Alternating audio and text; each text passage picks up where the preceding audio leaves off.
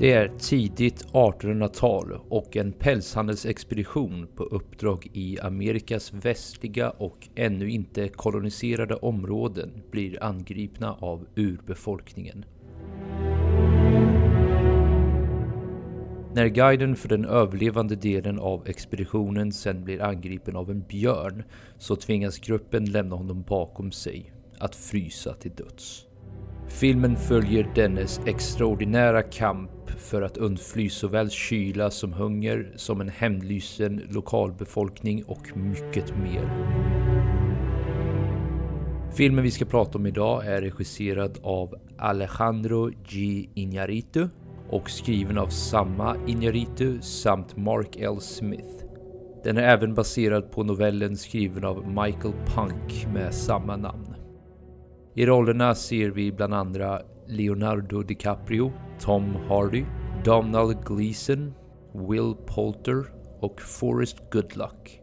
Filmen är 2 timmar och 36 minuter lång, hade en budget på 135 miljoner dollar och kammade bland annat hem tre Oscarsstatyetter på Oscarsgalan 2016.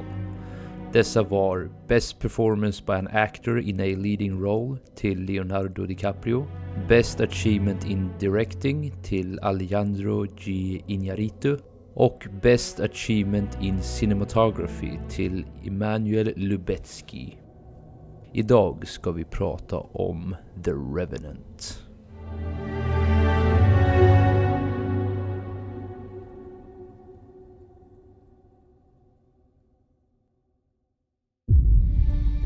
As far back as I can remember, I always wanted to be a gangster. The first rule of Fight Club is you do not talk about Fight Club. Did you eat all this acid? That's right. Music! What is real? How do you define real? Du är leksak! More people than you think, and more people each day. This is a world getting progressively worse. Can we not agree on that? Det finns bara ett ord för sådana som du. Och det är ondska.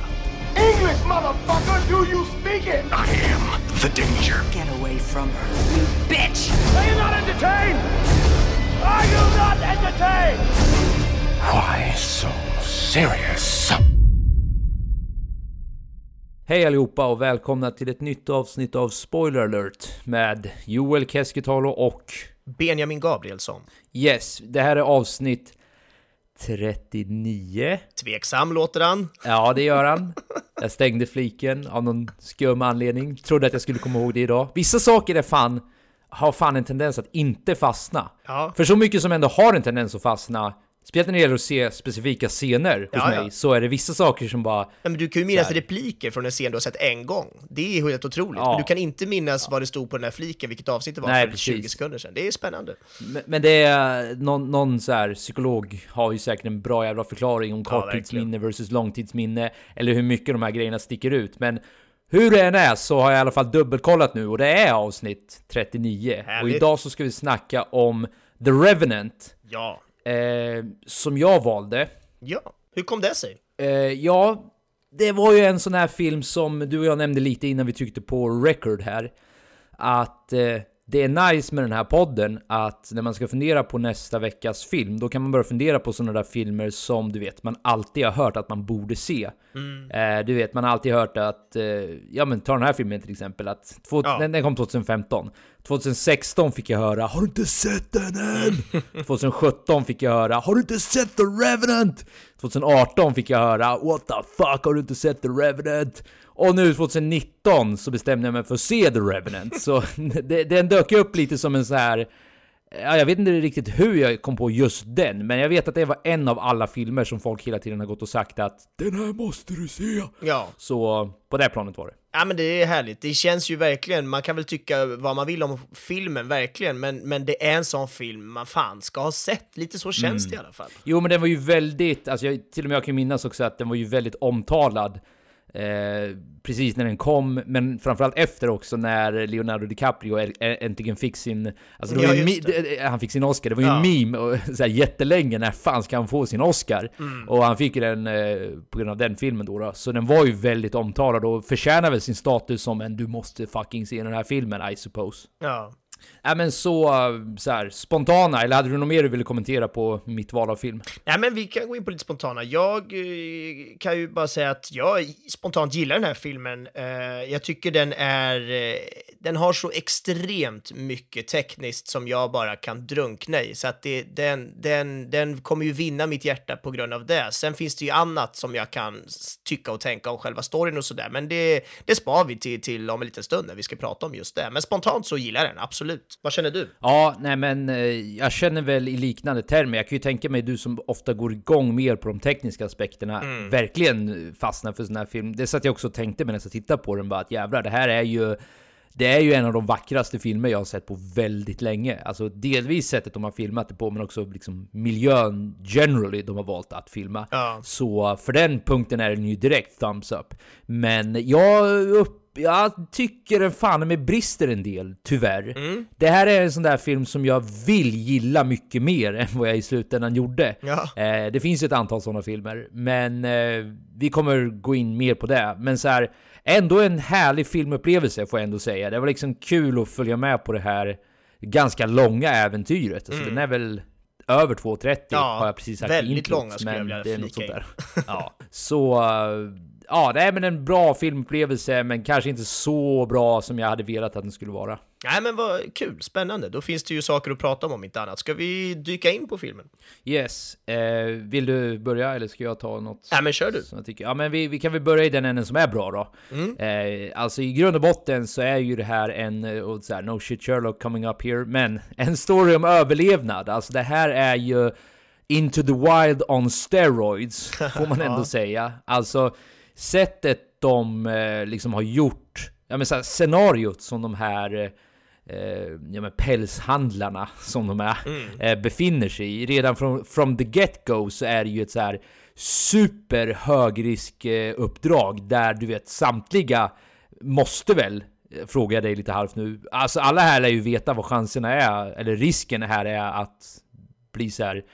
Ja men antingen bli bak, eh, vet du, ambushed av ett gäng indianer, eller att dö av alla andra omständigheter. Så Alltså så här, scenariot är i från början, alltså det är en tuff, eh, en tuff grupp vi följer här direkt. Ja, verkligen. Eh, ja. Nej men det är precis, det är liksom, vad är det? Det är 1823 har jag läst någonstans att det utspelar sig och Mm, det liksom där, ja. norra USA, de, de, de ska, det, det är vildmark, det, det finns ju ingenting där som, som kan hjälpa dig på något sätt. Allting bygger på att du har kunskap eller att du är med en liksom bra stor grupp som klarar det här. Mm. Och som du är inne på, det, det är allt från indianer till liksom, vadå, vildmark, alltså björnar, det kan komma vad fan som helst. Det är så jävla farligt. Det, det, ja, men det är långt ifrån ett så här härligt jobb man har idag i, i moderna Sverige kan jag tänka mig när vi klagar på facket så fort vi har ja, ont i foten i princip. Så att det här, det här är något annat. Det här är ett jobb för, Ja. ja, du ska veta vad du ger in på helt enkelt. Ja, men lite så. Alltså, det är ju, man får ju ändå ge det till den här gruppen som väljer sig att utsätta sig för sånt här. Alltså till, eh, ja men...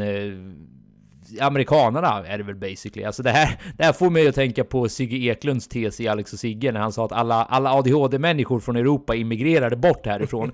ja, framförallt från Sverige pratar ju han om, men jag vill förlänga den till Europa. Bara för att eh, Sverige hävdar ju han var ett så lågintensivt land och de, de liksom var för rastlösa för att stanna här, så de drog till USA istället där alla är så här högintensiva.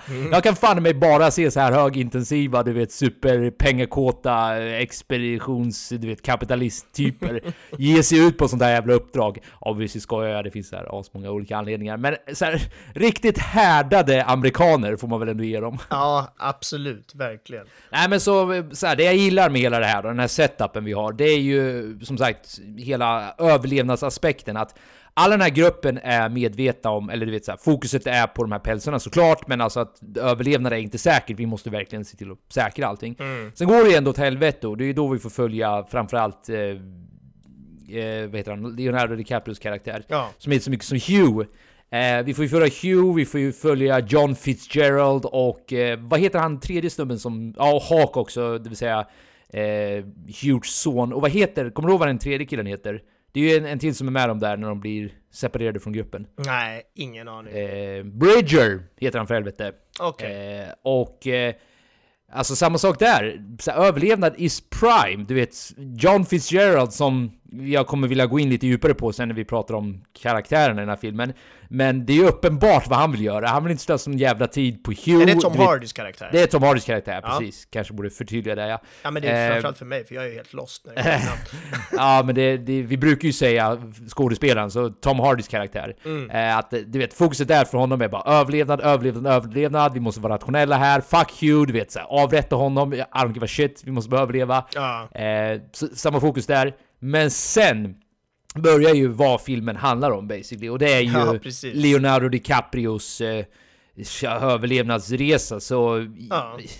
Berätta Benji, vad går han igenom? Ah, vad går han inte igenom kanske vi ska gå in på istället? Ah, men det är helt otroligt ändå. Ja. Det, det är ju större delen av filmen som, som verkligen handlar om det här och det är ju, börjar ju hela den grejen, Le- Leos liksom när han kommer bort från gruppen och blir attackerad av en björn. Det är ju så hela hans personliga resa börjar där och, och, och ja, alltså bara den björnattacken i sig skulle man ju kunna eh, gå in på lite grann. Men vad är det för jävla scen egentligen? Det är helt otroligt. Det, det, det, det, ja men det, det är svårt att ens säga någonting om den för att den är så Ja. extrem. Att, eh, ja, ja, nej, du ser, jag är speechless nästan för att den är så jävla galen. Ja men det sätter tonen på Ja. något sätt där. Det är verkligen så här, wow, det här kommer vara ett våldsamt äventyr. Ja, minst sagt. Och jag menar, det är blodigt som fan, det, det, det är hemskt och så är det hela tiden det här väldigt intensiva liksom, berättandet som, som, som de håller på med i den här filmen hela tiden. Och det blir ju så jävla påtagligt när det är den här stora björnen och allting. Så att det, nej, men det är helt otroligt. Och sen efter det då så, så, så blir det ju bara en, en liksom det ena jobbigare än det andra känns det som och, och du vet hans son dör och sen så blir han lämnad och så Tom Hardy försöker döda honom och, och han ska överleva, han går själv och han ska liksom få mat. Han, nej, men det är helt otroligt, det är jävla kamp. Han kastar sig ner i en flod, du Ja. vet, han kastar sig upp i träd, han är all over the place. Han är all over, han gör ju alla olika typer av fågelfisk mittemellan om det nu är en jämförelse. Nej, men han, han testar på allt, ganska ofrivilligt. Han trycker ju fan upp, eh, om jag minns rätt så trycker han väl upp krut i ett av sitt, Ja, sina exakt. sår i halsen. För att kunna sy upp det, sen tänder han eld på det så att det, ja men basically Ja. en mini-explosion i hans hals! Precis, och det är efter att han har insett när han skulle dricka vatten ur floden att det läckte ut ur hans hals. Det är liksom på den Ja, nivån. exakt! Du- What the fuck är det för något? Du vet att du har en dålig dag när det läcker ut vatten ur din hals när du försöker dricka. Det är så, fan. Ja, verkligen. Så här, förutom det, alltså när han tar ut eh, alltså, hästen och han har ramlat ner, Ja. du vet, och bara det att han flyr från en hel indianstam som, sjukt. så här, du vet, pilar skjuts efter honom, så det räcker ju inte med att han måste hantera så här, naturen. Det i sig hade ju knäckt både dig och mig på fucking 10 sekunder. Ja, ja, och- Men han måste ju... ja, ja, inga konstigheter, vi hade döda. Direkt. Alltså, jag han hade måste- lagt mig måste- direkt platt och bara, men jag skit i det här, jag dör. Alltså jag hade gett Ja, upp bara- direkt, jag hade inte ens försökt. Ja, Fitzsimmons, Tom Hardy, döda mig bara! För, det skulle du gjort för länge sen, varför ligger jag ens här och fryser? Fan, offa mig, Världens sämsta film om det hade handlat om oss. Ja, ja, ja. Be begrav mig inte ens, bara lämna mig. Kortfilm på 20 sekunder. Ja, verkligen. Nej, men alltså så förutom det blir man jagad av en fucking indianstam, om det inte är fler. Ja, men det är väl en som jagar honom och en annan som han har connection till. Ja, typ. Men eh, alltså när han ska sova i hästen. Mm. Alltså, bara, bara att säga den meningen, jag ska, jag ska sova i en häst. Vad fan är Jag det här tänkte inte ens på det först. Jag bara, ja exakt den scenen. Sen när du säger det så, ja han ska faktiskt gå och lägga sig i en häst. Okej, Ja, sure. ja, men det är exakt det han ska. Efter att han har bränt brutalt. krut i halsen för att det rann ut vatten ur sin hals när han drack. Ja, det är liksom exakt. på den Och han bara grymtar lite. Jag ska bara klara mig. Vad fan händer?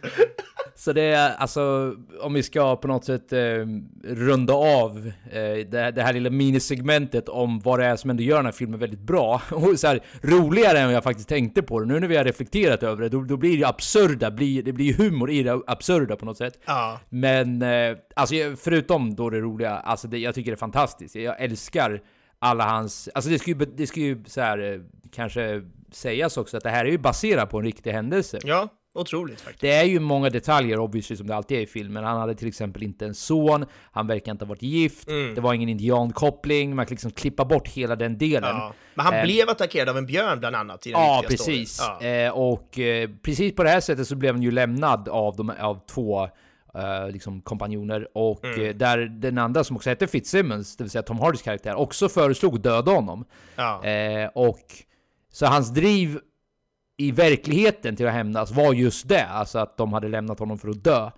Eh, I filmen vill de kruta till det lite extra genom att lägga till sonen och jag vill också gå in lite mer på vad jag tycker om det. Men bara för att eh, runda av, eh, så här, koppla tillbaka till det vi nyss sa, att eh, det har ju faktiskt hänt det här. Det, vilket Mm. gör det ännu sjukare att det ändå Ja, som sagt, det är, så, det är så vackert på något sätt att se hur han tar sig an alla de här eh, utmaningarna. Det vittnar på något sätt till Återigen, absolut inte du och jag, vi hade varit uträknade direkt. Men så här, vad människan är kapabel till när det kommer till eh, överlevnad. Hur långt man ändå kan pusha en människa eh, och ändå inte ta koll på jäveln. Nej, precis. Och jag menar, det, det är ju...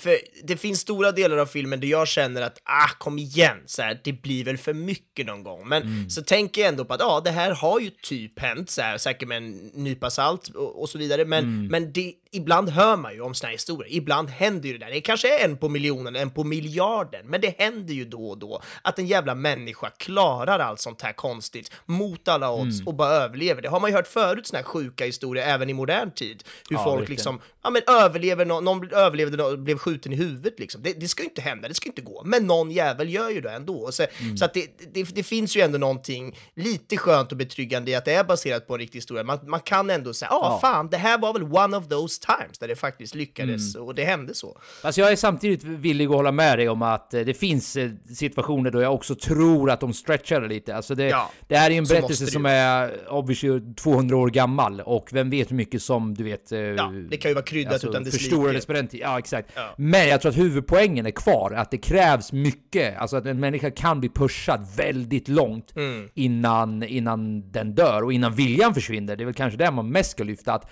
att man inte gör som du och jag hade gjort och bara lagt sig ner och dör, utan att man faktiskt drivs av att Ja. fortsätta. Verkligen. Eh, jag skulle vilja prata lite grann om, de här olika delarna i filmen. Vi har ju pratat nu en del om liksom Leonardos, det här hur det bara gått helvete för honom. Och det är väl ungefär den kanske större delen av filmen, mittenpartiet så att säga, där det är väldigt länge där det handlar om att han ska försöka överleva och det går jävligt dåligt gång på gång på gång.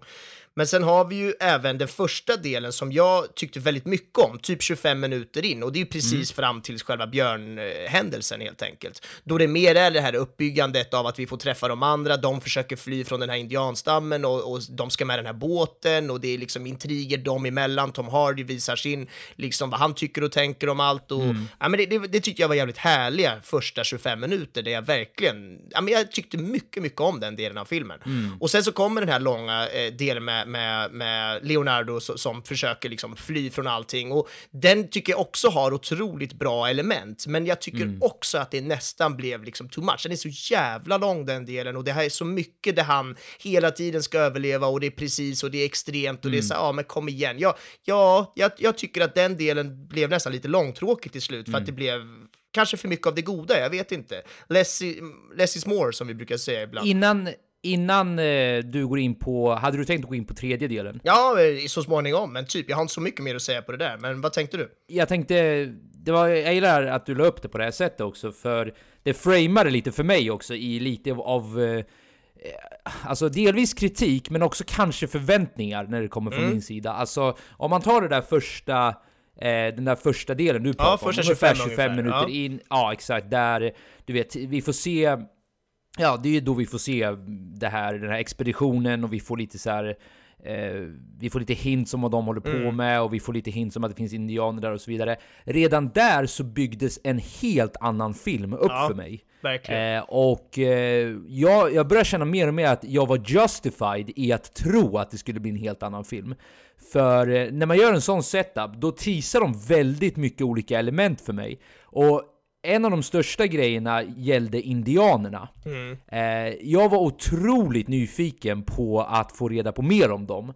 Eh, jag ville veta mer om deras relation till fransmännen, jag ville veta mer om deras relation till amerikanerna, du vet, Ja. deras relation till andra stammar, hur ser den här byteshandeln ut? Eh, så här, hur hanterar, det ändå en kolonisation som håller på att äga rum här, deras, eh, så här, miljontals av deras folk är ju dött. Så jag menar, hur hanteras det här i stammarna? Hänger du med? Jag, jag kanske, Ja. min hjärna kanske gick på du vet, eh, högvarv när, jag fick, när den här första delen spelades upp. Men jag var så jävla pepp på den här filmen. Förstår du vad jag menar? Ja, verkligen. Och eh, även om jag inte tycker att filmen nödvändigtvis var dålig då på grund av att den tog en annan riktning, så kan jag inte liksom säga emot mig själv. Alltså jag, jag kan inte blunda för att jag jag ville hellre ha den andra filmen. Ja. Eh, och i och med att den var så lång så tror jag till och med att man hade kunnat fått in den andra filmen. Eh, alltså att, då, men visserligen skulle ju då fokuset tas bort från hans överlevnadskamp till viss del. Men när den ändå var så lång så undrar jag om man inte kunde vävt in det tillsammans på något sätt. Förstår du vad jag menar? Alltså, Ja. Jag har inte riktigt tänkt klart den här tanken, men vad, vad, om jag bara slänger ut det som en liten tes till dig.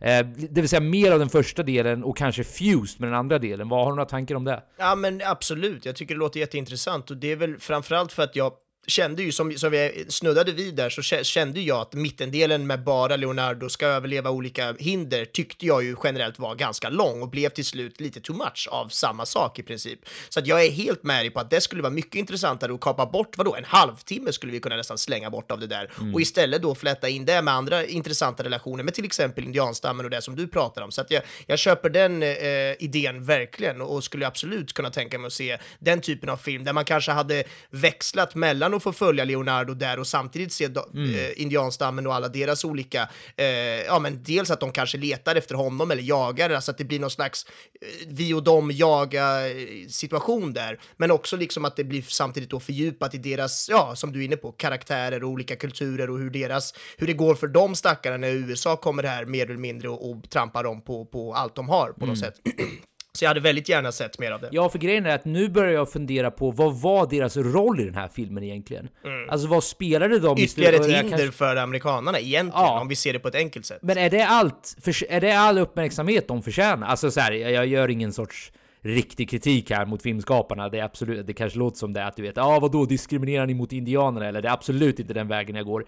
Men jag tycker det är lite tråkigt att det är det de reduceras till i den här filmen. Att de, man, alltså man får som sagt lite hints över att de har någon sorts honor culture. Han säger ju, vi byter, jag kommer inte ihåg exakt hur han säger det, alltså en av indian chiefsen som eh, handlar med fransmännen. Fransmännen, ja exakt. Ja, precis. Han säger ju att eh, så här, honor demands it, en fras han har när han ska byta hästar mot... Ja. Eh, eh, och eh, där, alltså jag tyckte det hade varit intressant att utforska på något sätt. Hur, den, hur deras kultur clashar med deras hat mot eh, kolonisatörerna. Och att om, det, om de på något sätt är bundna av gamla seder att inte bete sig hur som helst, att inte vara lika barbariska som den vita mannen i det här fallet kanske är. Eh, så hänger du med? Alltså, du vet, till och med nu när jag sitter och pratar om om den här filmen så går jag in i såna här teoretiska tankegångar bara för att det finns så mycket där tror jag som man kan, eh, som man kan gräva i. Och jag tyckte det var lite tråkigt att allt de blev nu var en jagande du vet, någon, någon diffus eh, så här, sammanslagning av hämndlystna krigarindianer. Hänger du med? De, de blev liksom bara det. Och det är väl så här, klart att det är häftigt på sitt sätt, men Ja, jag vet inte, jag har redan pratat för mycket känner jag. Men jag, jag skulle vilja haft mer av det där bara. Ja, nej, men jag håller helt med. Det hade verkligen varit intressant. Um, ska jag bara gå in då på den sista delen när vi ändå höll på och segmenterade Mm, upp det filmen jag. här då. Jag ser det lite som tre delar. Första 25 då, då är det liksom prestationen, det är alla de där, vi får se vad som händer och sen går det åt helvete för Leo, det är den största delen av filmen, det är mittenpartiet, det är väldigt, väldigt långt och sen kommer då sista delen av filmen, vilket är då när, när Leo kommer tillbaka till den här lilla eh, fästningen eller vad fan det är, det där Mm. fort, fortet. ja. Mm. Ja, precis. Där de kan, eh, ja, och där han då ska börja jaga den här Tom Hardy-karaktären då som har flytt såklart. Eh, och den delen tycker jag, där igen så känner jag fan, nu, oj, nu är det spännande, Mm. nu, nu händer det saker. Och där känner jag verkligen att de hade ett momentum som fick mig att vara väldigt, väldigt intresserad eh, på ett lite annat sätt än vad jag var i den här väldigt, väldigt långa mittenpartiet. Va, vad tänker du om den sista delen? Ja men det är precis samma kritik som eh, första segmentet här, att det, Mm. de öppnar upp så, eller det är snarare så här typ, jaha, det är ungefär som ni, ni har dolt det här fortet för oss nu Mm. i, eh, i typ en timme. Nu vill jag ju veta allting om det här. Vadå, vad är det här för fort? Kan det bara existera här? Är de hotade på något sätt av de här stammarna? Hur långt, hur långt inåt i landet är vi här? Vad, vad är, är det här liksom the frontier? Är det här USA tar slut? Och är det här de utför sina du vet, han nämner ju tills armén kommer och bankar in lite civilisation i de här stammarna.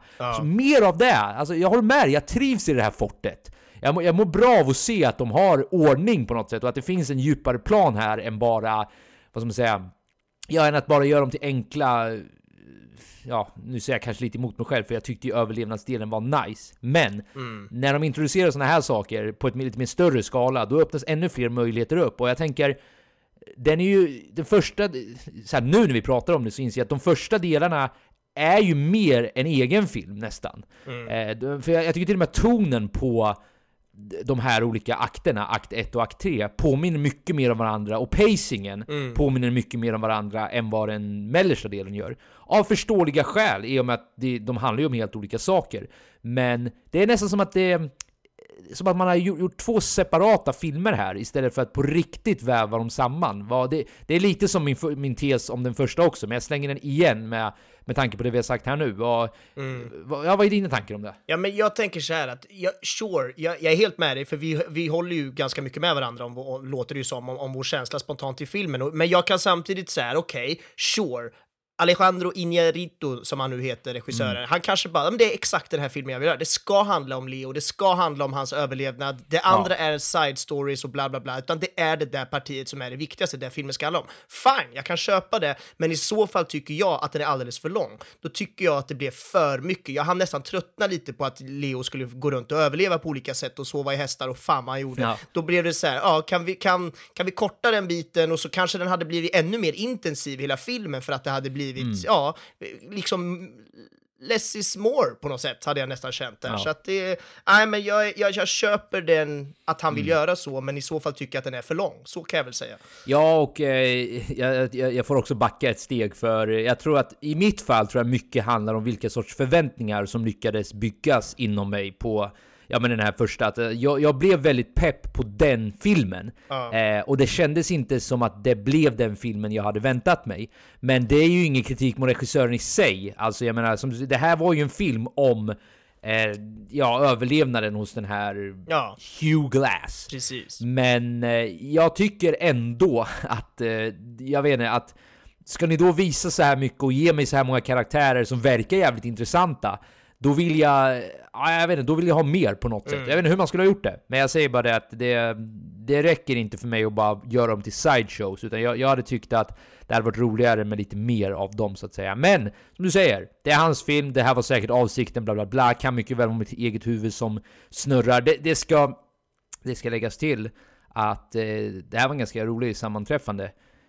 Jag är precis här, jag läser historia, och jag är exakt i den här perioden Ah, nu. okej. Eh, det vill säga colonisa the colonization, eh, 1500-talet till eh, slutet på 1800-talet och ja, när amerikanerna, när spanjorerna, eller britterna var det ju först då, men ja, och så vidare. Så lite häftigt att jag liksom var just där. Och jag tror att det färgar ju säkert mitt sätt att se den här filmen också, för när jag läser om det då får jag ju väldigt mycket mer av ja, men de här mer politiska och storskaliga och du vet krigarberättelserna. Och eh, så jag, jag kan tänka mig om jag själv diagnostiserar mig själv lite här att mina förväntningar kommer säkert därifrån till viss del. Men eh, ja, så det får jag ju stå för. Men det tyckte jag i alla fall, det sänkte filmupplevelsen för mig kan man väl kanske säga. Mm. Nej men verkligen. Ja, det är en grej till jag skulle vilja nämna som tyvärr också hamnar lite på... Alltså den kritiken går lite in i det här att det, det är säkerligen en annan film jag söker rakt av. Men jag skulle vilja prata lite om hur de har behandlat eh, vissa av karaktärerna i den här filmen. Och eh, eh, jag, jag tänkte för det första prata om Hugh Glass, det vill säga Leo. Leonardo DiCaprios karaktär. Eh, och jag tänkte väl posera en fråga till dig innan jag fortsätter. Vad tycker du om att de ändrade originalstoryn och gjorde honom till Ja men du vet, de gjorde hela dramat med hans fru i form av flashbacks och hans son som blev huggen av Greg, eh, inte Greg, han heter ju John Fitzgerald. Eh, vad, vad tycker du om att de, att de valde att lägga till det i den här filmen? Ja, men jag kan absolut köpa det och, och det, det känns ju som att man gör ju ofta sådana drag i filmer, skapar relationer som kanske inte riktigt fanns, det är ofta kärleksrelationer, i det här fallet var det en far och son-grej, just för att det ska bli mer bonding för oss och i publiken, att kunna, ja, vi ska kunna relatera till det mer, vi ska kunna känna mer med karaktärerna, och nej, hans son dog och bla bla bla. Och jag, jag kan verkligen köpa det för, för att eh, det, det, det kan göra en film bättre än vad originalstoryn är. Sen med det sagt så jag tror inte att det hade blivit en dålig film om det där inte varit med, men då hade det kanske varit ännu mer fokus på liksom det här med indianstammarna och det här, så att då kanske vi hade förlorat ännu mer av det du och jag faktiskt i det här fallet nu verkar vara ganska nyfikna på. Så att, äh, men jag, jag köper det och tycker att det var en nice touch om jag ska vara ärlig. Hur känner du? Eh, ja, alltså jag tycker ju det här är ett exempel på det du pratade om förut, less is more. Alltså jag tycker att man hade inte behövt ha den delen. Ah, okej. Eh, jag tycker att det nästan la till en väldigt simplifierad, väldigt simplifierade motiv till eh, varför han gjorde det han gjorde. Det blev väldigt enkelt att se Fitzgerald som den verkligen onda människan i den här filmen. Och det blev väldigt enkelt att se Hugh Glass, ja det är klart som fan han vill hämnas på han som dödade sin son. Men jag tycker nästan det blir mer mäktigt att han sökte hämnd bara för att de lämnade honom där. Ja. Eh, alltså som det var i originalstoryn. Jag gillar nämligen när det blir mer grått. Eh, där, alltså jag kan, jag kan till och med sympatisera, det var därför jag inte riktigt var nöjd med hur de gjorde Fitzgerald till slut, och speciellt inte när jag fick reda på originalstoryn. Jag tror att jag hade uppskattat mer om de bara höll det så här grått, du vet. Ja, fast Fitzgerald har ändå en poäng fan det han säger, du vet. Sitter vi kvar här, vem vet eh, om indianerna kan komma, eller ja, om de kanske inte skulle vara med. Men Ah, du fattar det kan ju bli att alla dör istället för att en dör. Precis. För jag menar, det, det är jättelogiskt att resonera så när han, han precis har blivit attackerad av en björn. Och som sagt, det var ju så de resonerade i verkligheten också. Och trots att det inte var några indianer inblandade, trots att hans son inte hade blivit mördad framför ögonen på honom, vilket by the way var sjukt bra acting av Leonardo DiCaprio. But we will get there, som man säger. Men trots att det inte var med så var han fortfarande så otroligt hämndlysten. Det gör mig också mer sympatisk till eh, Hugh Glass det vill säga Leonardo DiCaprios karaktär, om han bara inom citationstecken skulle drivas av att hämnd för att de lämnade honom där. För det skulle bli mer ett moraliskt gråzon då när han konfronterar Fitzgerald. Där Fitzgerald på något sätt säger bara mannen, lyssna. Jag var 99% säker på att du skulle dö. Jag vill inte riskera mig och grabben. I'm sorry, men vill du döda mig så go ahead. Men det kommer inte göra eh, det kommer inte göra någonting bättre. Precis samma sak som han sa i slutet, men då hade det inte mer... Det han sa då lät bara tomt, för visst, det är klart han inte får sonen tillbaka, men du behöver fortfarande dö, för du är the scum of the earth, ärligt Ja, talat. ja. Eh, så verkligen en svartvit karaktär där. Han var ju verkligen rakt av elak. Mm. Så jag hade önskat mer nyans, eh, speciellt i behandlandet av Fitzgerald, och då också baserat på att det troligtvis var mycket mer nyanserat i verkligheten. Mm. Så med det bakom mig och det resonemanget så vill jag säga att jag tyckte det inte var en bra eh, ett bra tillägg. Alltså det, som sagt, jag vill, jag vill att ni förstår mig rätt här. Jag tycker fortfarande att filmen blev bra. Jag bara försöker, ni vet, vi försöker lyfta upp grejer vi tycker är intressant att lyfta upp här. Och jag tycker att det hade varit en mer intressant film om de här gråzonerna fanns kvar. Ja, men det här tycker jag är jätteintressant, för jag tänkte inte riktigt på det på det sättet. Eller jag, jag sa väl i princip motsatsen i början där, att jag, jag förstår varför man lägger till sådär just för att skapa mer dram dramatik och mer story, för det är det ofta en, en filmpublik vill ha. Men jag kan ju verkligen hålla med dig om det du säger nu, att det hade blivit jävligt spännande om det hade varit inte alls lika tydligt att Tom Hardy var bad guy, utan att han var mer såhär, ja, han tog ett beslut som kändes rimligt då. Det är rimligt att han den andra blir arg på honom, men, men nu ska de liksom lösa det. Alltså, nej, jag är helt med dig. Det hade varit superspännande. Så att det är väl nästan lite tråkigt då att det här, det kanske är olika produktionsbolag, jag vet inte vem som har mest makt här. Jag vet att Alejandro Iñárritu som har gjort den här filmen, han är ju otroligt så krävande och, och tycker mycket och är en riktig så auteur och vill göra saker på sitt sätt. Så jag kan tänka mig att han har mycket här och, som han själv har sagt till och tyckt om. Men det skulle inte heller förvåna mig om det var så att det är stora produktionsbolag som bara, men vänta, ni måste slänga in någon med relation, ni måste slänga in någon jävla fader och son-grej för att den här ska gå hem och för att vi ska få tillbaka våra, biljettpengar sen på alla biografer runt om i USA. Så att det, det finns ju alltid såna här saker som man kan vända och vrida på, vem, vems fel och bla bla bla, det vet vi inte. Men jag är helt med dig på att det har varit superintressant att sett den filmen istället. Ja, och eh, med det, det är väl egentligen den, eh, de största grejerna jag störde mig lite på. Så om inte du har något mer att lägga till där så kanske vi ska gå över till eh, vad den här filmen faktiskt gör allra bäst. Det tekniska. Ja, vi låter oss glida över till det tekniska och Yes. det är ju, ja men det är otroligt. Det, det är fenomenalt. Det är som jag har nämnt ett par gånger nu, Alejandro González Iñárritu, som han heter, den här eh, mexikanska regissören som har gjort eh, en hel del så här, spektakulära filmer, men han jobbar ju väldigt mycket med det här med olika långa tagningar och det märks ju i den här filmen på ett sätt som är, ja men det är otroligt. Det, Ja. det, det, det blir, eh, eh, ja men jag ska börja i den vanliga änden innan jag går mig förhastat fram här, jag blir så exalterad. Eh, jag jag säger så här som jag brukar säga, den här filmen är filmad med eh, digitalt med en Arri Alexa 65 Um, ehm, och de ville filma ungefär halva filmen med film, alltså analog film från början. I de här mer ljusa scener, dagsljusscener, så ville de filma med analog film och sen så ville de filma de mörkare scenerna digitalt då. Uh, men efter att de hade börjat testa massa och gjort tester och sen dessutom när de kom upp längre och längre norrut i norra Kanada när de skulle spela in massa så blir det ju mindre och mindre dagsljus. Det blir helt enkelt för mörkt mörkt och för lite ljus eh, för dem att använda, så därför gick de över till att bara köra digitalt då. Eh, för att en sån kamera är inte riktigt lika ljuskänslig, den tar in ljus på ett bättre sätt helt enkelt än, än analog film. Eh, och eh, ja, anledningen till att det blev så här var ju att de ville inte ha massa externa lampor, de ville köra naturellt eh, vanligt liksom dagsljus på plats. Och det är just för att få den här mer realistiska tonen, realistiska känslan av att vi är där i naturen. Det är ingen jävla studio, det är Där, inga lampor. där har du en... Där, förlåt, där har du en trivia jag ska ta upp sen för övrigt. Förlåt, fortsätt. Ja, det kommer säkert bli en hel del sådana, så du får hålla i din trivia-hatt idag Joel. Ja, säkert.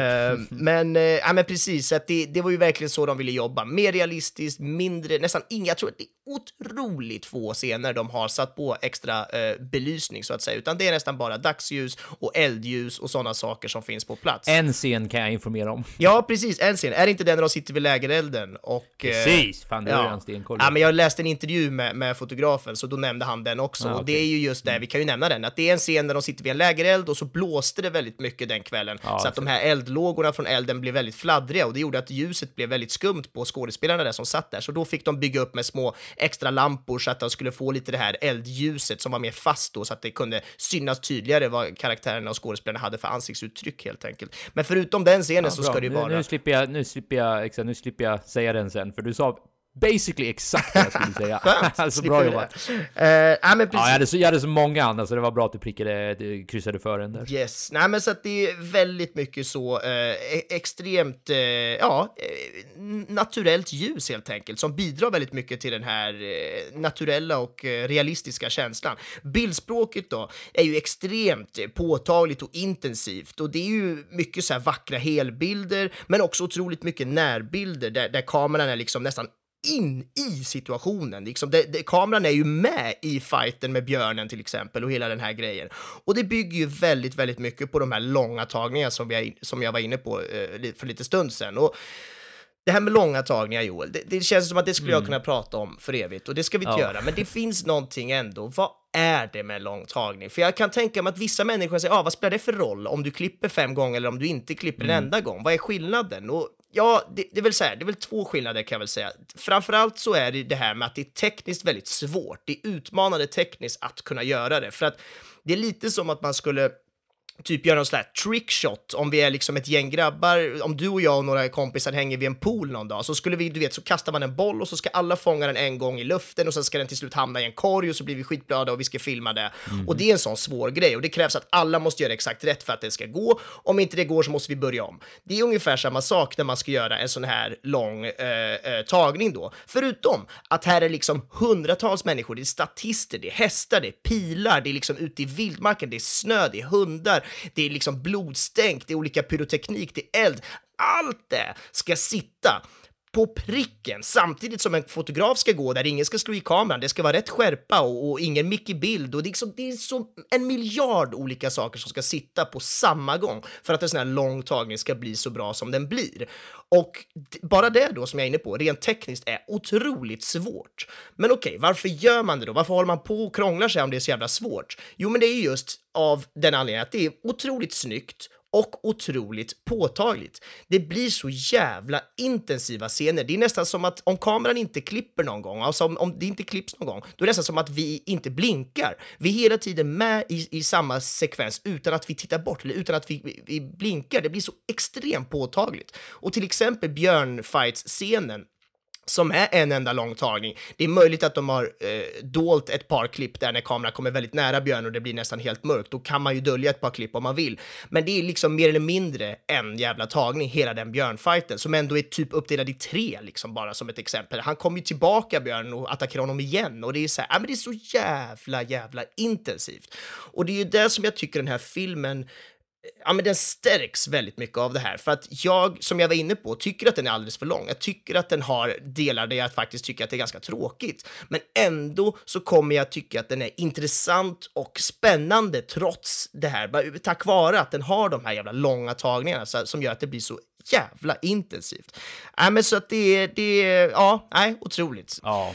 Ehm, och jag, jag läste ju en del om den här eh, fotografen då. Han heter för övrigt Emanuel Lubetsky och är, ja, Yes, det vet ni som har lyssnat på introt. ja precis, det vet ju folk, precis. Och det, det, Varför vet ni det? För att han vann en... Oscar, Oscar, såklart. Och han har vunnit flera Oscars. Han är otroligt erkänd och duktig eh, fotograf och, och, har- och jobbar ju flera gånger med Iñárritu, men även också med eh, Cuarón, våran härliga Alfonso har Alfonso, just det. Ja, en annan mexikan i typ samma ålder som Iñárritu här. Det är otroligt att det, de kan producera såna världs... Vad har vi på Alfonso Cuarón? Kan du berätta lite kort bara? Alltså, han är ju liknande Iñárritu som, vi, som har regisserat den här filmen. Det är ändå otroligt hur de kan vara så, ja men kommer båda från Mexiko, är nästan lika gamla och känner varandra sedan tidigare då tack vare att de har gjort film tillsammans och liksom gått filmskolor tillsammans och så, sånt. Men också att de då lyckas göra såna här otroligt vackra jävla eh, filmer helt enkelt som sticker ut från mängden på ett sätt som är, ja, imponerande. Så är det. Vi har ju två, får jag bara Ja. lyfta två exempel Verkligen. på det? Vi har ju Gravity, vi har ju Roma, vi har ju Children of Men, alltså det är det finns filmer han har varit med och eh, ja, väldigt speciella filmer för eh, alltså det är ju framförallt Roma jag tänker på. Ja. Eh, de- den är ju väldigt speciell och tycker jag verkligen. Nu har inte jag sett jätte- jättemycket med honom, men det känns som att det där på något sätt ringar in hans eh, liksom, eh, vad ska man säga, filmskaparteknik. Ja, det är det ju verkligen. Och, och jag började tänka nu varför varför kom vi ens in på Alfonso Cuarón? Men det var väl kanske för att vi nämnde just... Eh, Ja, det var ju inte han vi pratade om, utan det var ju... Vad heter han? Eh, Iñárritu. Ja, precis. Nej, inte... Jo, eh, inte in i... Iñárritu är det som har regisserat den här filmen och det är han vi började prata om. Men sen kommer vi in på Caron bara som kanske ett exempel. Ja, för han var polare med honom, men du pratade ju först om han som hade vunnit en Oscar. Ja, precis. Och eh, precis, vi pratade om fotografer ja, som hade jobbat med Cuarón, så är det Precis. ja. ja. Och det är nog liksom inte en slump att de har jobbat ihop eftersom de jobbar på sådana här liknande sätt, alla de här tre då, både fotografen, Cuarón och Iñárritu. Hur som helst då i alla fall, så, så eh, har de ju jobbat extremt mycket med eh, en kamera och de, de har jobbat mycket med att de är så där intensiva att de går runt och det ska kännas som att kameran är där på plats. Ungefär en tredjedel av filmen är filmad med handhållet eller steadicam och sen är resten eh, olika dolly eller kranåkningar sådär, eller stativ för den delen, eh, där kameran är lite mer stadig. Men det har ju bidragit till det här enormt, eh, ja men så intensiva fotot där du känner att vi är med i det här. Det är flera gånger under filmen också där de bryter den fjärde väggen eh, som det kallas då, alltså att kameran helt plötsligt finns. Och med det menar jag ju då att det skvätter till exempel blod eller lera eller vatten Mm, och på björnen kameran. andas ju. Precis, till och med björnens andetag andas ju, vadå, det blir som att den andas på vårt ansikte. Hade vi haft Ja, exakt. glasögon på oss, det har ju varken du eller jag, men hade vi haft det, då är det ju våra glasögon han andas på den här björnen. Att det blir sådana där detaljer som de lägger in blir ju så extremt påtagliga. De har ju verkligen gjort så att vi ska känna att vi är med. Vi är med och slåss med den här björnen och det, det har de lyckats med. Ja, och att den är... Vi, vi kommer väl komma in på det på mer det, vad heter det, ljuddelen, men att det är tyst. Mm. Alltså det är så jävla bra att allt man får höra är den där fighten och inte typ... Nej, Du precis. vet såhär, wow shit nu händer det grejer, utan intensiteten ligger ju i... Alltså det räcker med att det är en stor fucking björn som sliter mig i stycken. Jag behöver liksom inte så här, actionmusik för, att, Mm. för, för, för att förstora den här stunden. Nej men exakt, och till exempel i den scenen, vi kan ju glida över lite på ljudläggning, så, så har de ju gjort något, nej men sådär otroligt detaljerad ljudläggning som också hjälper till att måla upp den här bilden av vad det är som faktiskt sker. Det är ju dels liksom alla de här olika atmosfärljuden, det vill säga fågelkvitter och natur och vatten och snö och sånt här, men, men det är ju också de här, till exempel i den fighten då, att man nästan hör hans ben knäckas på olika sätt under de här björnattacken. björnattackerna. Mm.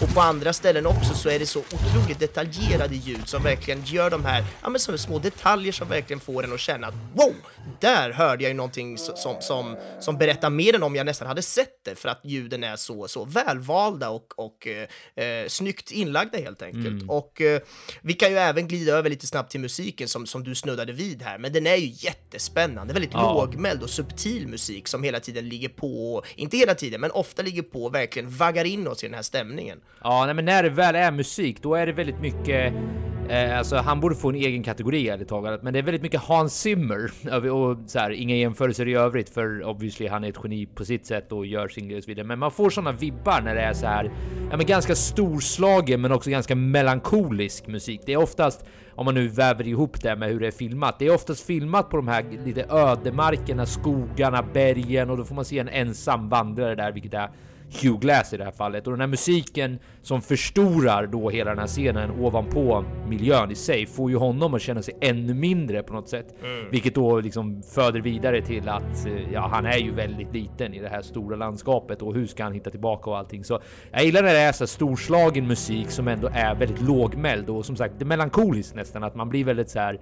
Eh, ja, längtande på något sätt är ordet jag söker. Mm. Vad, vad, vad, vad, man än är på för resa liksom. Men så jag älskade musiken i den här filmen och mm. antingen så har Benji klippt in det här nu eller så har ni hört det i introt redan. Men jag tycker framförallt att main theme, alltså den, den som är huvudtemat för filmen ja. så att säga, är den absolut bästa. Eh, och som sagt, ni har ju redan hört den nu.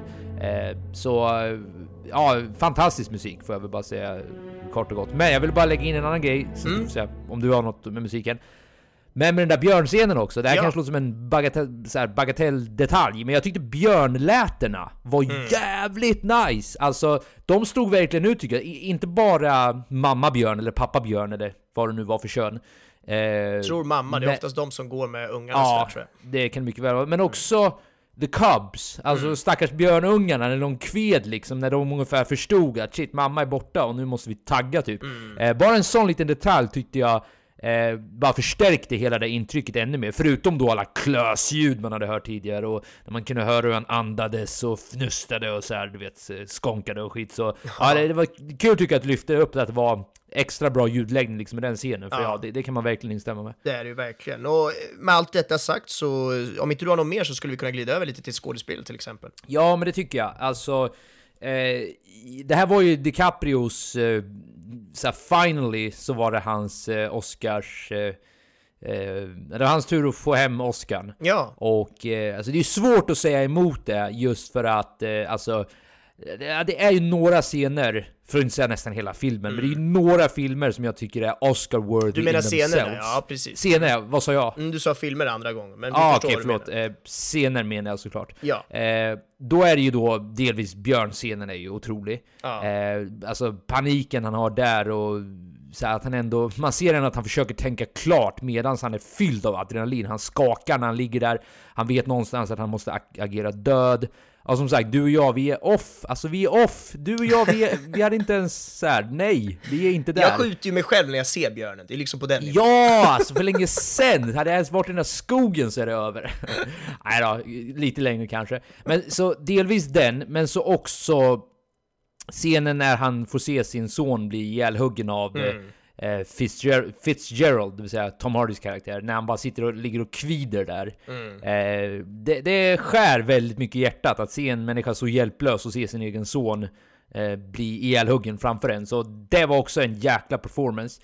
Men sen är det ju, vad heter det, så här, rakt igenom är det ju de scenarier han befinner sig i gör ju att det krävs en ganska extrem ett ganska extremt skådespeleri.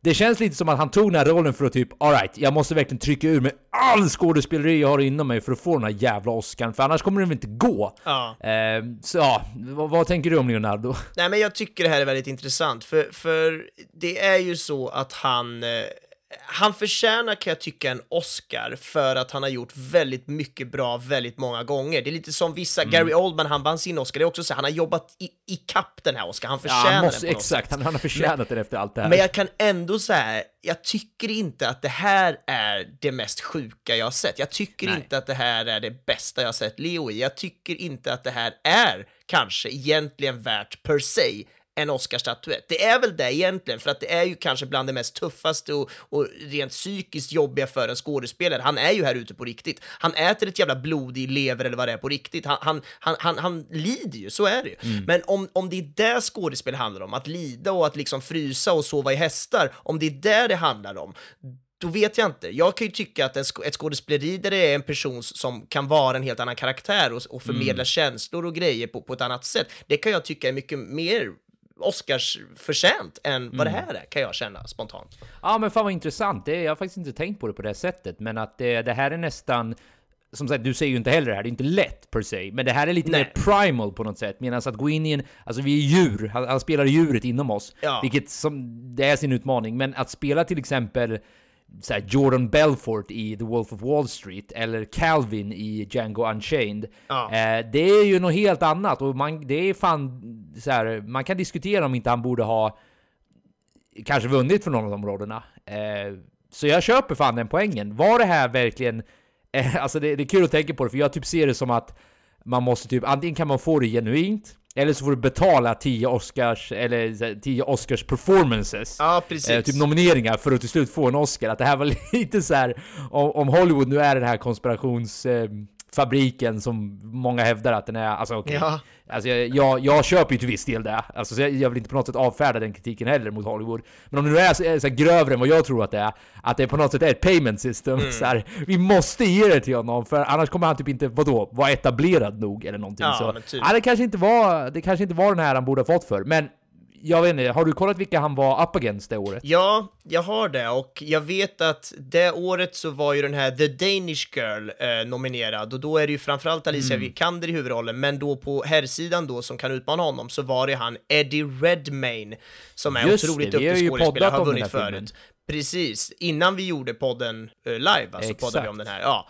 Eh, men hur som helst så tycker jag att den, han är helt fantastisk där och spelar ju en, en, en man som, som hellre vill bli kvinna och sådär och det är Mm. otroligt fin lir i hans skådespel kan jag tycka och den kan jag känna, nej men jag, jag känner att den gav mig mer än liksom när Leonardo spottar slem i skägg i snö.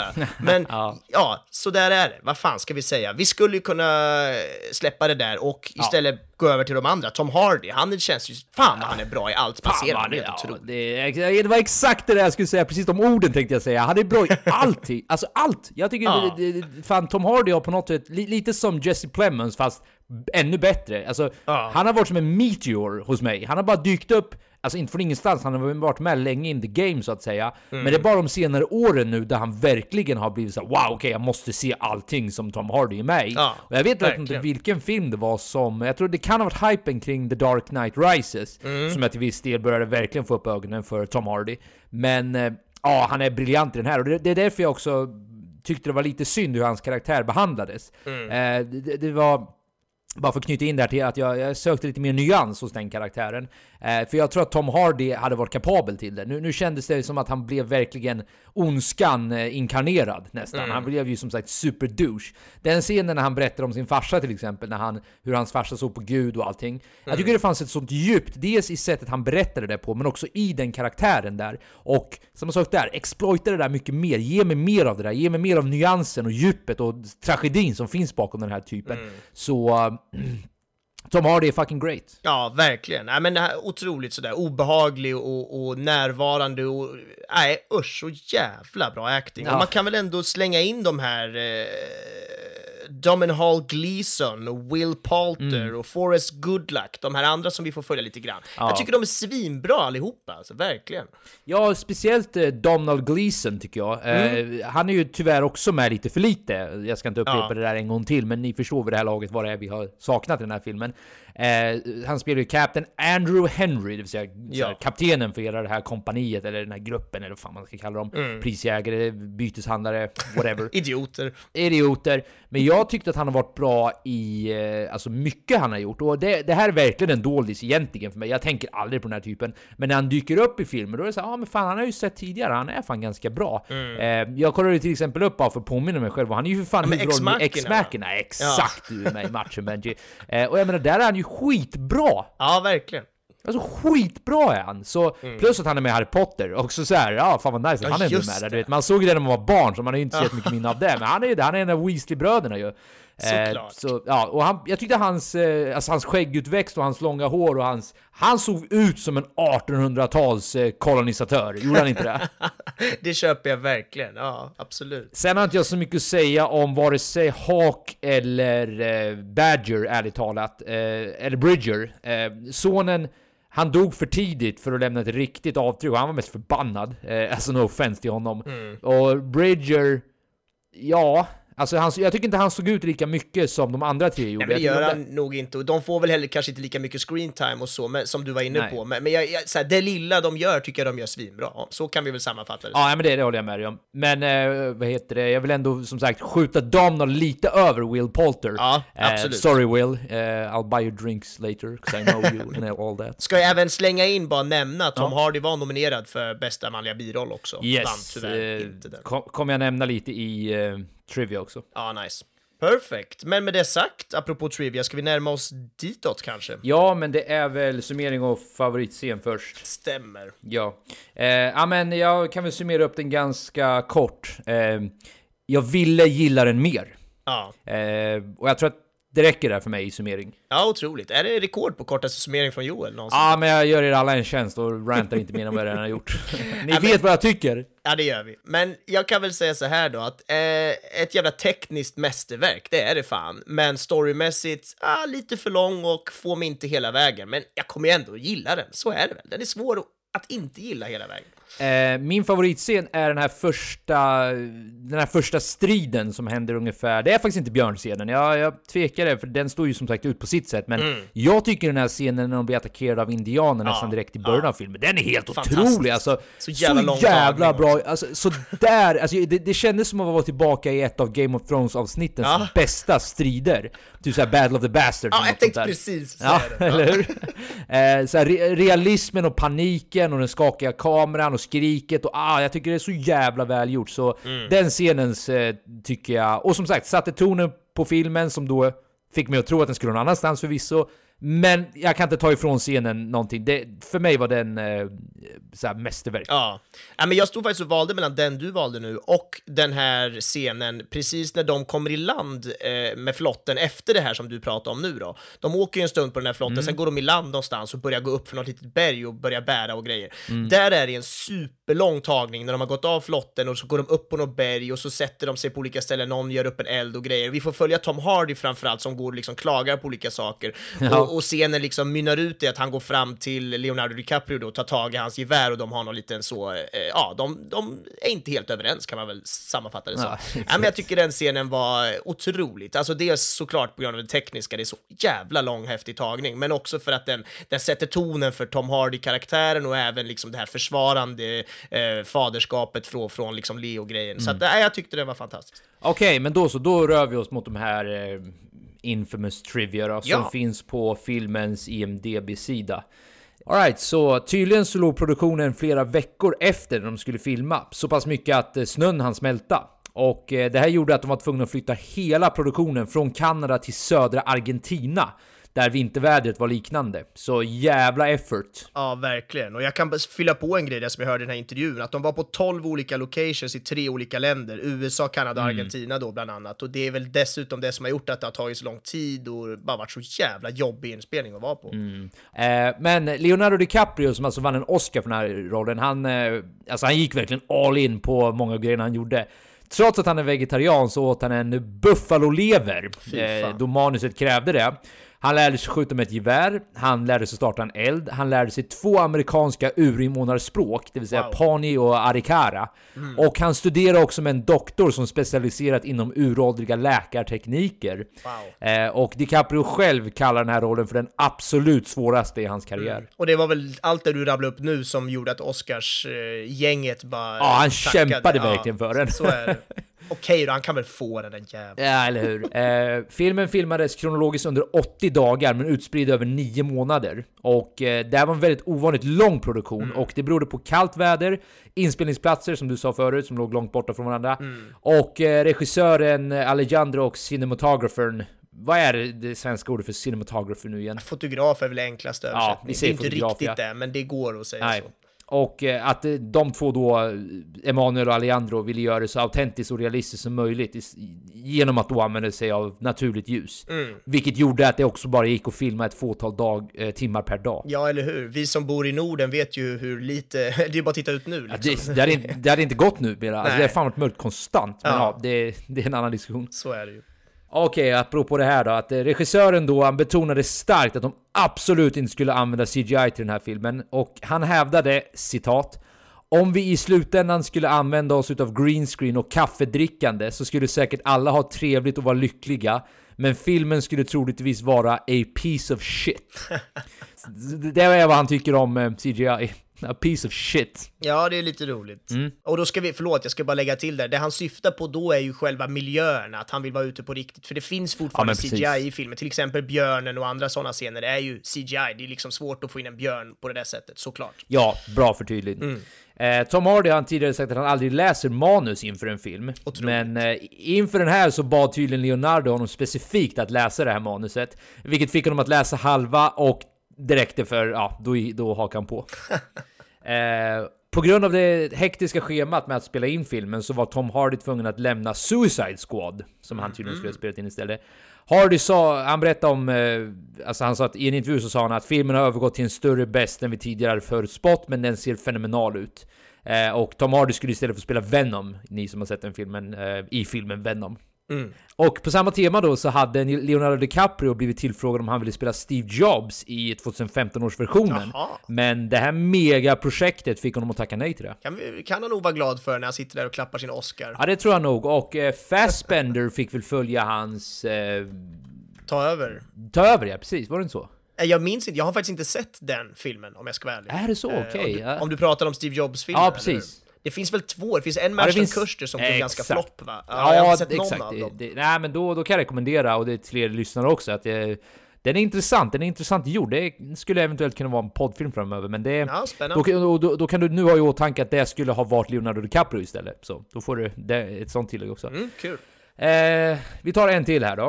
Eh, både, som du sa förut, så, både Tom Hardy och Leonardo DiCaprio, heter det, de bet, båda blev nominerade och, eh, till en Oscar. Och de bettade mot varandra att den andra skulle få en Oscar. Och förloraren skulle tvingas tatuera någonting som vinnaren fick bestämma. Och eh, Leonardo vann, så numera finns det alltså en tatuering på, jag, jag var tvungen att googla det här, på Leonardos eh, handled där det står Leo knows all. What? Ja, Men borde, inte, borde inte straffet vara på den andra? Eller vadå? Fick han tatuera på sig själv? Nej, jag, jag trodde det var så först, Ja. men sen läste jag om det och sen googlade jag och då, ja, då finns ju en tatuering på hans. Så de menade väl att ja, förloraren, den som förlorar Oscar, får, tatu så liksom, får ett straff då också utöver det. Men eh, ja, jag tyckte det var lite kul bara. Det, jag visste inte att de var liksom tajta, men de verkar ju vara polare. Ja Liksom. men det kan jag tänka mig, de har väl lirat lite ihop förut. Jag tänker bland annat på Inception så är ju båda de med mm, till sant, exempel. sant. Och de är säkert med i många fler, men ja, det... det Kanske, ja, jag vet inte hur det är i Hollywood. Jag vet bara att Keanu Reeves är ensam, det vet jag, men det, de andra kanske...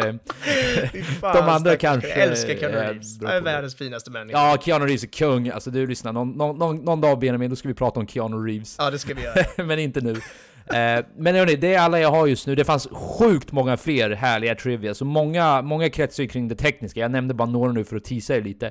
Men eh, in på eh, filmens IMDB-sida så eh, scrollar ni ner till trivias där så kommer ni hitta fler. Kul. Jag slänger in en liten kort, eh, som den kanske står där, men jag vet att jag läste den på, på den här intervjun då. eh, absolut. Alejandro Iñárritu, som han heter, regissören. Han är ju känd för att vara liksom riktigt så jävla demonregissör. Det ska vara på hans sätt, han är hård Mm. som fan. Och det var tydligen flera personer som hade fått sparken på, under den här inspelningen då, för att de inte hade skött sitt jobb på rätt sätt och inte gjort saker på rätt sätt. Mitt ute i de här jävla bushen Mm. och vildmarken och allting. Nej, fan, måste ha varit hemskt att spela in den här jävla filmen för alla som är inblandade. Ja. Förutom han då kanske. Ja. Eh, men eh, vi är väl rätt så nöjda där tror jag. Nu, eh, allt som återstår är att... Eh, har, har, du, har du en film till nä, nästa, nästa, nästa vecka? Ja, men det har jag. Och det blir ju så här nu att jag blir väldigt insp- inspirerad av filmen du valde nu. Och eh, det blir också så att jag är inspirerad av Alejandro Iñárritu. Så jag väljer Birdman. Ja, kul! Den har jag faktiskt inte sett, men hört bra saker Du har om, inte så sett jag kommer den? nog se den. kul! Nej. Då var det ju Ja, jackpot. Jag trodde du hade sett Jag har nämligen sett den när den kom, men såklart minns ju inte så mycket som vanligt. Men minns att fotot som jag älskar var så här riktigt jävla galet. Så att jag vill ju, den ska vi se om och podda om helt enkelt. Mm. Ja, men härligt. Eh, Då har vi två stycken som jag missat av den här regissören också, så det blir lite kul. Gud vad roligt. Eh, Det är alltså 2014 den kom. Birdman 2014. Yes. Tack så mycket för att ni har lyssnat. Eh, Vi finns på vi ja, vi finns på podcaster, iTunes, vi finns överallt helt enkelt. Ja, det bästa är ju att följa oss på. Facebook. Ja, Ja, där är det ju precis. bäst. För då ser man ju vad vi lägger upp. Man ser allting. Man ser kommande filmer, vad de heter, vart de finns att se, vart det finns för trailers och allt sånt där roligt. Spoiler alert! Yes, och gillar ni vad vi pysslar med så uh, sprid gärna. Uh, gilla om ni har den förmågan. Det skulle vara jävligt nice ärligt talat, men uh, vi är bara Ja. tacksamma att ni lyssnar. Skicka en rating i appen ni lyssnar på. det, det, det hjälper lite med spridning och sånt där, men som sagt, sjukt nice att ni har lyssnat. Vi eh, hörs eh, om två veckor igen och då blir det Birdman, så ha det gött tills dess. Ha det bra! Hej då. Hej då!